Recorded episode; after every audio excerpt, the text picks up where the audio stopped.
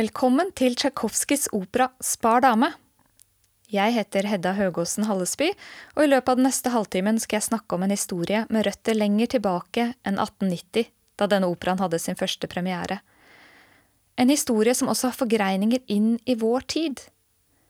Både i handlingen og i sin tilblivelse er Spar dame en historie som også går på tvers av fantasi og virkelighet, fiksjon og realisme, det bevisste og det underbevisste, galskapen og fornuften. To store russiske menn står bak dette verket, forfatteren Aleksandr Pusjkin og komponisten Peter Tsjajkovskij. Men bakom klinger også en eller flere store damer. His story rommer også her story. Men his story rommer også mer enn det vi i utgangspunktet tror. Jeg skal komme inn på noe av dette, men jeg skal også ta dere med inn i handlingen, inn i noen deler av denne utrolig rike musikken, før dere kan sette dere tilbake og nyte den selv.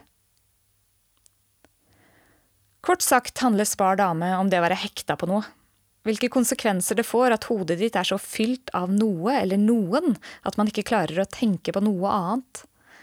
Det handler altså om avhengighet, eller besettelse, noe som både er fysisk og psykologisk betinga. Jo visst kan kroppen bli avhengig av visse stoffer, som opiater, nikotin, alkohol og koffein. Selv er jeg avhengig av mørk sjokolade på et visst tidspunkt i løpet av dagen. Men jeg har snakket med en ekspert på avhengighet som sier at dette handler like mye om en avhengighet av effekten disse stoffene har i oss. Noe som igjen kan bety at avhengighet kan utvikles av mer enn kjemiske substanser. Av opera, for eksempel.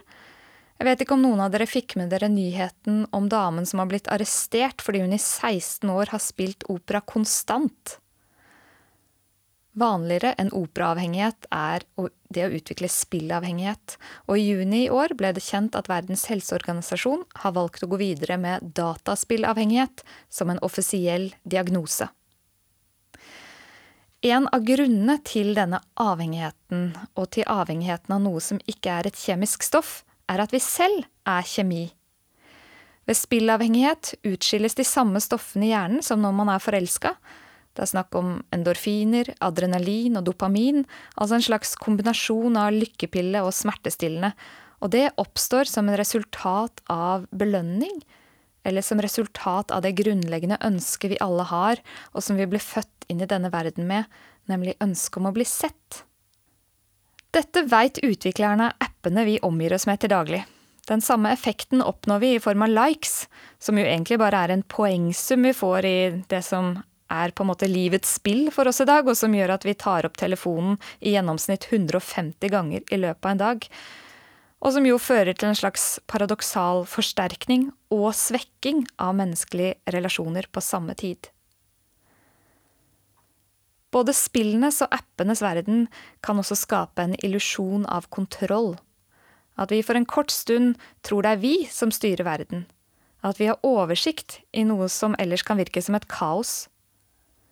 Vi er altså så frustrerende enkle, så drevet av kjemi. Vi har så lite kontroll, og vi styres av vår biologi i møte med denne verden, eller noen ville kanskje sagt skjebnen, det som omgir oss, men som vi tror vi styrer selv. Dette får også hovedpersonen i denne operaen erfare. Men han er ikke hekta på dataspill eller apper, men på kortspill. Og tittelen på denne operaen, Spar dame, viser selvfølgelig til kortet i kortstokken, og rettere sagt til spillet Faro, for det er det hovedpersonen Herman er hekta på. Spillet handler om strategi, men også om sjanse og flaks, man er overgitt til skjebnen. Men tittelen har også forbindelse med det å spå framtida. At man mener man er bestemt på forhånd. Og skjebnen har en hovedrolle i denne operaen. I tillegg til hovedpersonen Herman, som opplever at han er skjebnebestemt. Livet er et spill, utbryter han i siste scene. Et spill han overhodet ikke har kontroll over. Og det er to krefter som drar i han, og som vekker de samme kjemiske reaksjonene i han, men de drar ikke samme vei. Og det er forelskelsen og spillavhengigheten. Et menneskesinn kan ikke samtidig romme to besettelser, står det i teksten som operaen er basert på, og den er skrevet av Aleksandr Pusjkin. Og han visste hva han snakka om, for dette her er virkelighetslitteratur anno 1830. Pusjkin var selv hekta på kortspill.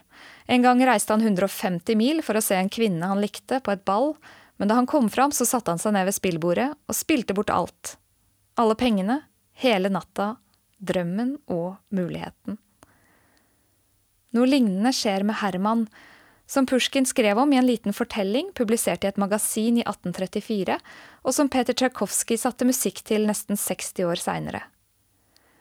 Herman er forelska i en dame han har sett på gata, men som han ikke vet hvem er.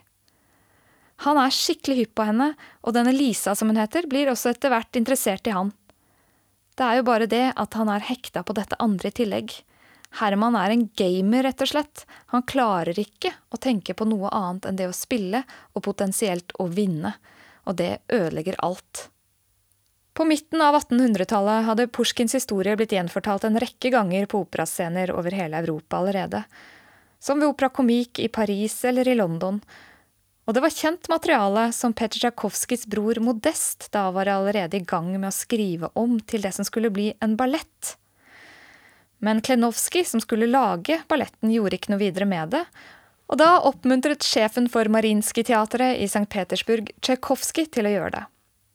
I 1890 hadde denne operaen sin første premiere her, og det var et ektepar, Nikolai og Medea Figner, som sang hovedrollene som Lisa og Herman, og operaen ble en umiddelbar hit. Peter Tsjajkovskij var da en stor og vellykket komponist med suksesser som Svanesjøen, Tornerose og 1812-overtyren bak seg. Og Peter ble raskt hekta selv på dette stoffet, og han dro til Firenze for å få arbeidsro.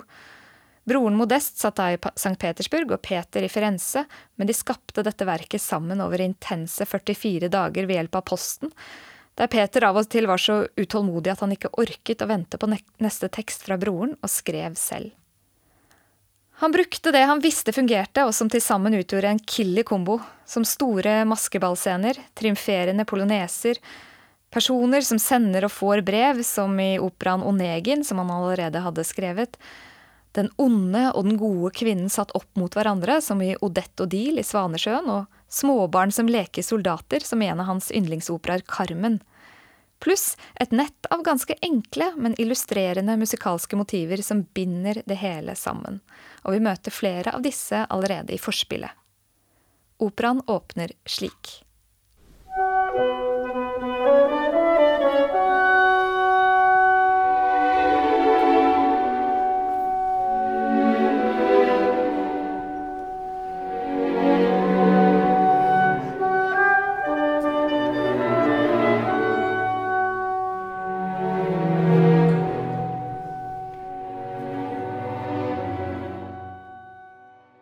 Dette er musikken som forbindes med operaens bakteppe.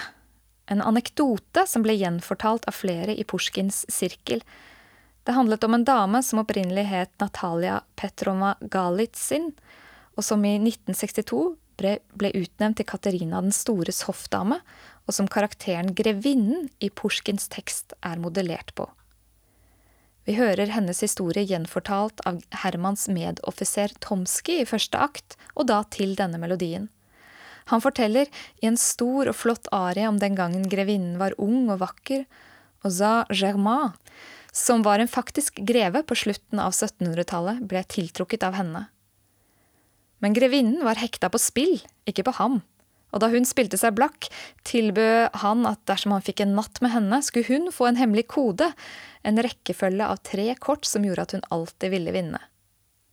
Grevinnen fortalte koden videre til to menn, men fikk en natt et besøk av et spøkelse som sa at tredje gangen hun fortalte det videre til noen, ville det bety døden. Og det var slik hun fikk tilnavnet Spar dame, og i operaen så er hun bestemora til den dama Herman forelsker seg i.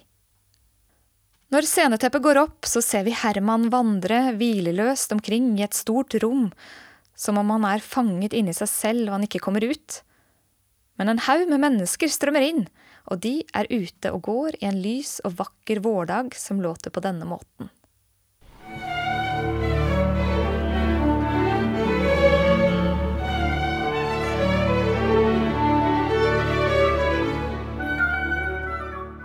Blant disse er Tsjekalinskij og Sorin, som snakker om hvordan de spilte kvelden før, om hvordan Herman hadde stått og sett på.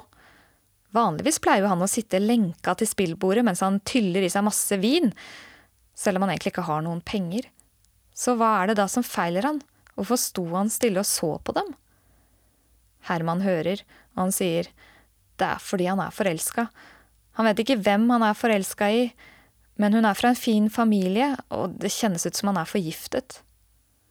Så kommer en ny gruppe mennesker inn, og blant dem er prins Jeletskij, som Tsjekalinskij og Sorin gratulerer med forlovelsen. Når de spør hvem han er forlovet med, så peker han på en ung dame som kommer inn sammen med bestemoren sin, og det er selvfølgelig den samme som Herman har falt for. Men Herman er ikke bare tiltrukket av Lisa, det er også noe med denne bestemoren, grevinnen. Det er som hun har en eller annen slags makt over han, og han er redd. Hva vil hun meg? Den illevarslende gløden i øynene hennes har makt over meg, sier han.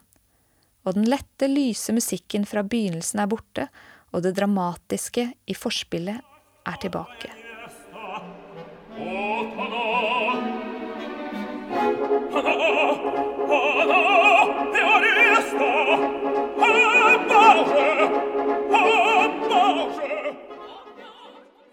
Dette låter nærmest som en galopp, et race som har begynt, som det er mulig å hoppe av. Et annet viktig musikalsk motiv, som forbindes med skjebnen og de tre kortenes fortryllelse og forbannelse, låter slik. Tricarti, tricarti, tricarti.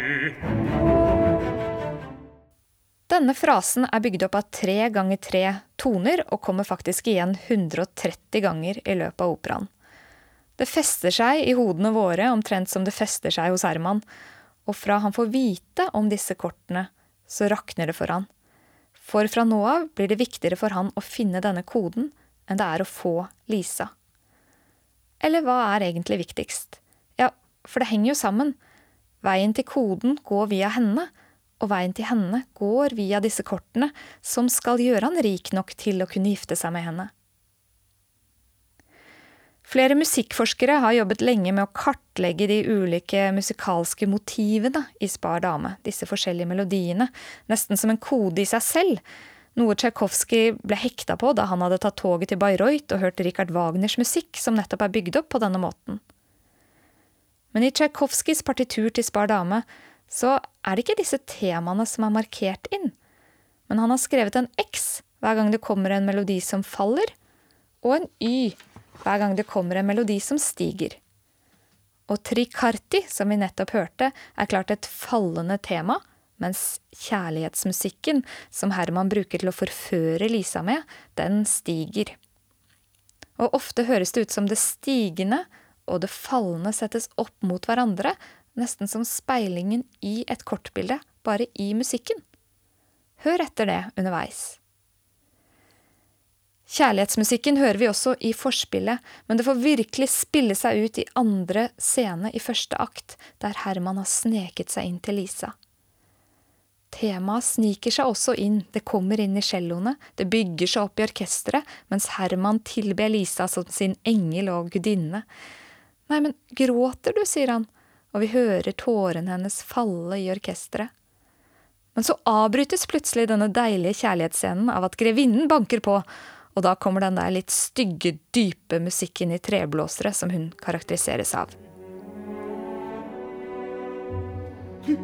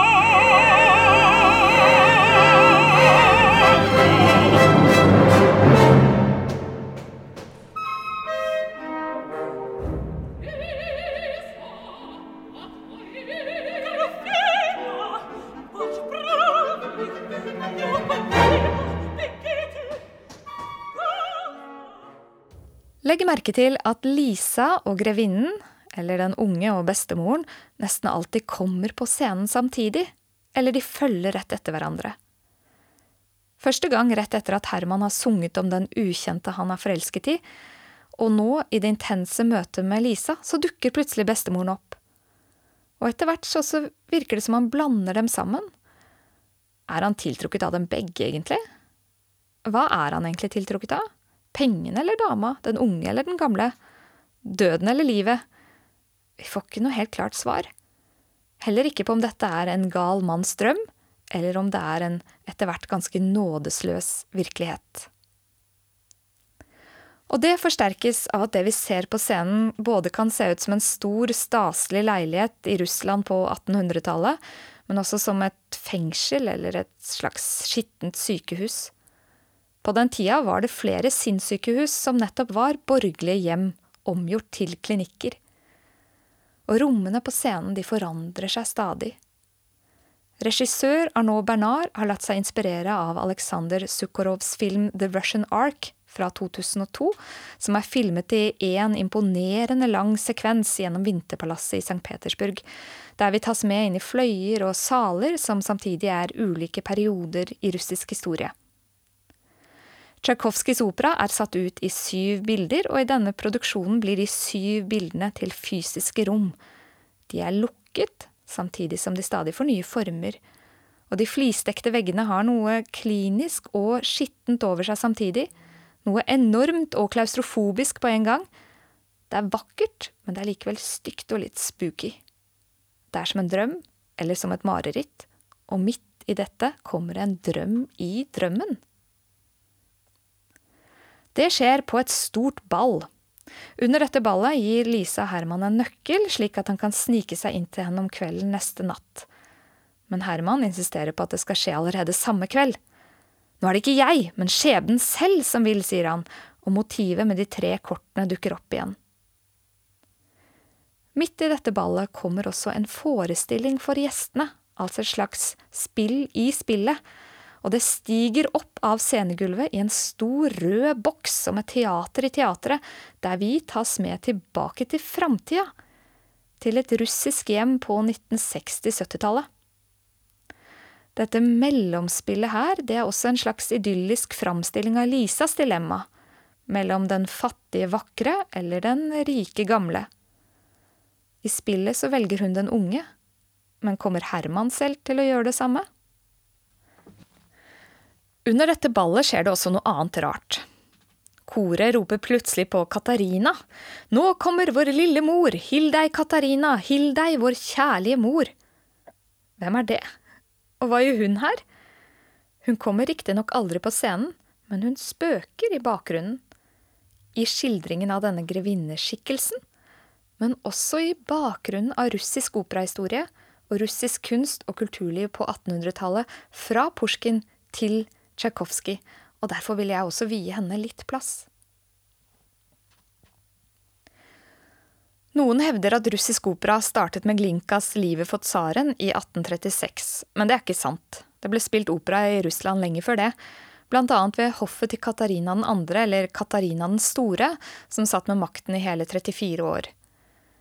Hun ble brakt fra Tyskland til Russland som 14-åring for å gifte seg med Peter 3., men hun begikk statskupp mot mannen sin da han var utro mot henne.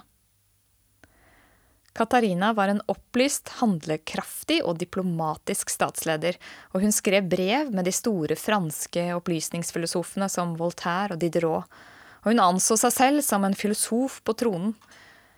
Hun stiftet også den første institusjonen for utdanning av kvinner, og hennes private kunstsamling ble grunnlaget for verdens største og eldste kunstmuseum, som holder til i hennes hjem i nettopp Vinterpalasset.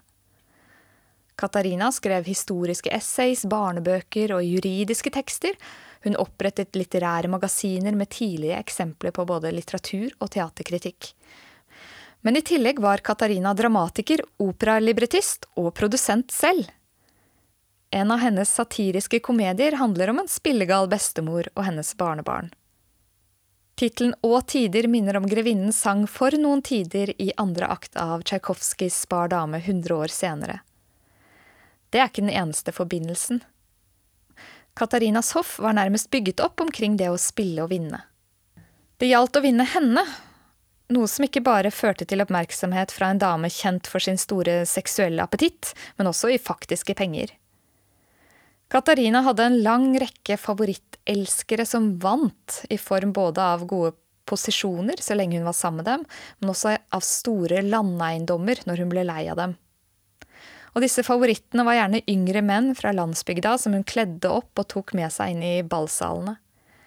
Slik ble begjæret for penger og fascinasjonen for den mektige, eldre damen knyttet sammen, slik det også er i Spar dame, og slik det er i det russiske slangordet for penger, babki, som betyr den gamle kvinnen, og som antagelig kommer av at Katarina den store var portrettert på hundrerubelseddelen før revolusjonen.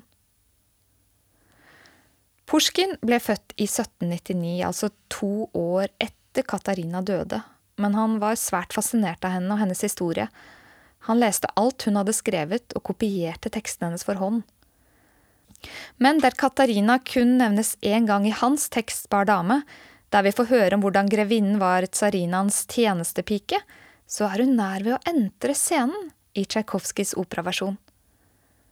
I operaen flyttes Pusjkins historie fra forfatterens egen tid på 1830-tallet til Katarinas tid på slutten av 1700-tallet. Og de porselensfigurene som Pusjkin forteller om fra grevinnens ungdom i novellen, blir til levende skikkelser i denne pastoralen i operaen.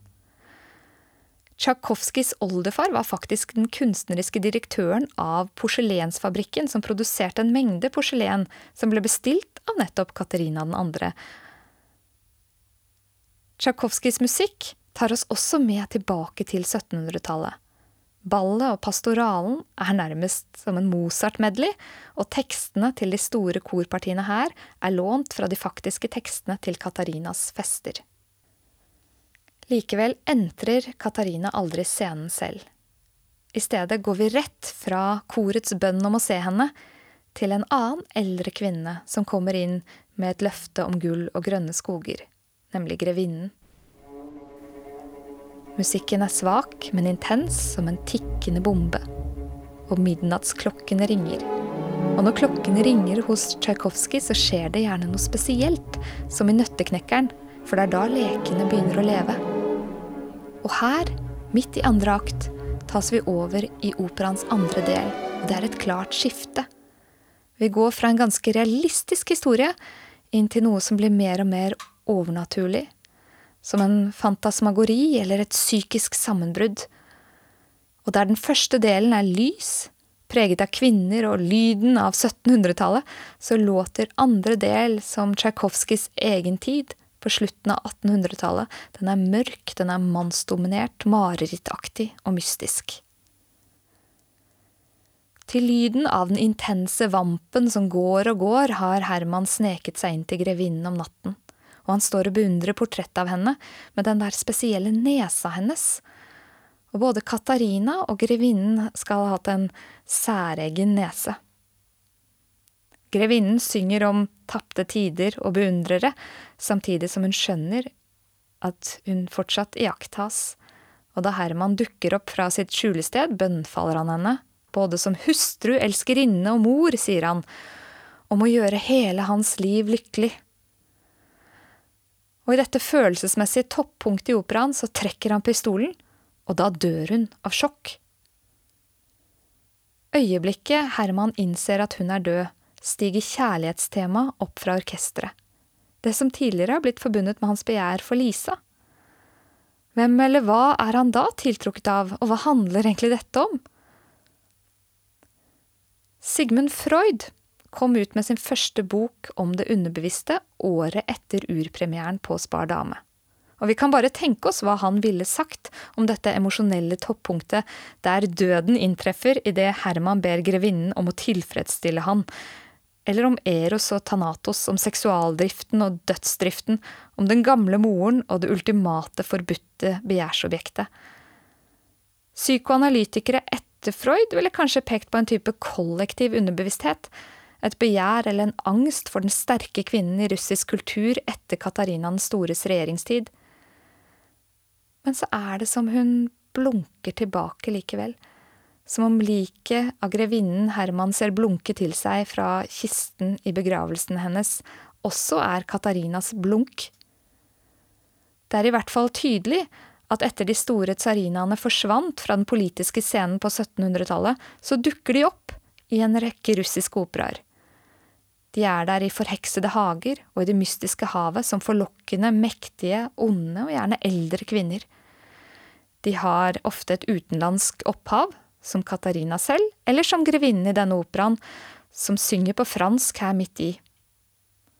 Og de har gjerne opphøyde titler, men de blir aldri feiret, heller litt parodiert og gjort narr av. Men de fortsetter ofte å leve, som for eksempel en vannånd i Rimskij-Korsakovs Sadko fra 1897, eller Dagromuskis Rusalka fra 1855, eller som i Spar dame, i form av et spøkelse. Det skjer nemlig i neste scene. Vi er da i en kaserne der Herman jobber, men som i denne produksjonen ser mest ut som et skrekkabinett. Herman leser et brev fra Lisa der hun ber ham om å møte henne ved midnatt, for hun har det så vondt og plutselig dukker grevinnens gjenferd opp, og hun sier til Herman, messende kun på tonen F, at han må redde Lisa og gifte seg med henne, og at kortenes hemmelighet er tre, syv og S. Tallene tre og syv går igjen i hele operaen. Den er bygd opp i syv scener og har tre akter, og det er som om alt henger sammen, som om melodiene fletter i hverandre og nærmest fanger oss, som skjebnen som omgir oss, og som man ikke kan rømme vekk fra. I Pushkins fortelling ender Herman sitt liv på et sinnssykehus der han konstant repeterer 3-7-S, 3-7-S. Men dette gjør brødrene Tsjajkovskij om på. Det hele blir enda blodigere og mer dramatisk i operaen både for Herman og Lisa. I siste og syvende scene spiller offiserene kort, og Herman vedder 40 000 rubler. Han vinner på de to første kortene, en treer og en syver. Og i siste runde satser han selvfølgelig på S-et. Men så kommer ikke et S, men en ja, en spar dame. Men det han ser, er grevinnen. Herman innser da at han har tapt alt. Dama, pengene, lykken og det livet han kunne ha hatt. Livet er et spill, roper han før det russiske mannskoret ber en bønn om å gi hans sjel fred, og vi hører kjærlighetsmusikken stige opp fra orkesteret en siste gang.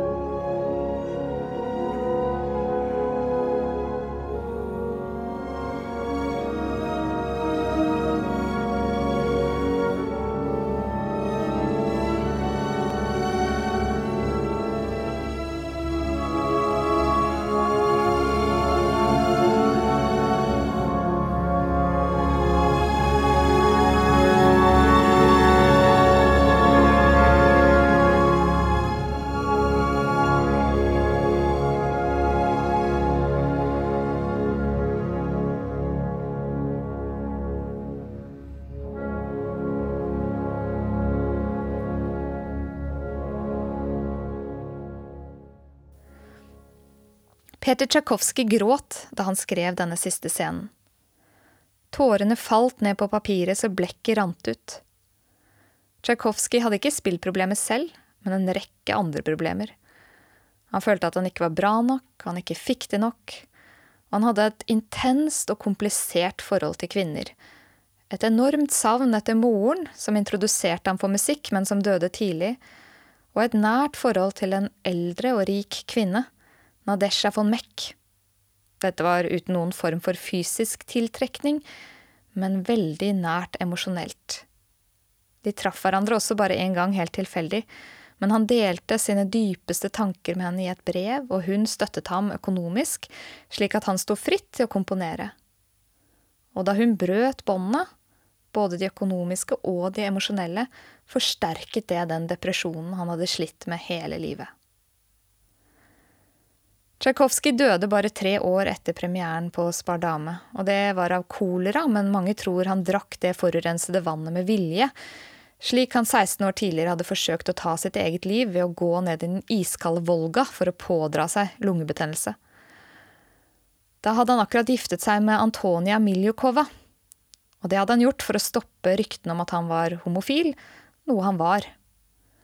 Tsjajkovskij opplevde å ha intense krefter inni ham han ikke kunne styre, og han følte nok selv at livet var et spill han ikke hadde kontroll over. Et skjebnens spill der han kjente seg maktesløs og liten. Tsjajkovskijs yndlingsopera Carmen er en feiring av friheten. Kjærligheten er som en fugl ingen kan temme, synger hun, Likevel ser også hun sin egen skjebne i spillkortene, og også hun dør i siste scene.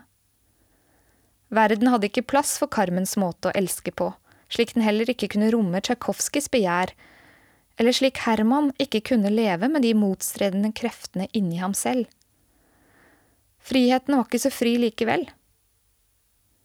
Spar dame er, både i sin handling og i sin tilblivelse, en historie om hvordan vi er brikker i et større spill, i et nettverk av gjenfortellinger, myter og anekdoter, en historisk underbevissthet, men også av kjemi og biologi. Og selv om vi ikke liker å tenke det, så er friheten vår betinget. Filosofen Slavoj Zizek, som har skrevet mye om opera, har kalt opera for psykoanalysens forløper. Musikken leder oss mot talen og handlingens undertekst. Det som styrer oss, det vi ikke ser, det vi ikke ser i oss selv eller i andre. Musikken formulerer fortvilelsen, det undertrykte begjæret og kreftene i oss, men gjør det samtidig til noe vakkert, noe menneskelig. Og det er det opera lar oss gjøre. Vi får sørge med Tsjajkovskij over Herman og over oss, svake mennesker, men gjøre det til musikk som gir håp likevel. Det hele ender i fred, i ro og i dur. Jeg håper dere også ender der etter denne kvelden, som er, slik jeg ser det, en intens, men vakker opplevelse. Takk for oppmerksomheten og god fornøyelse.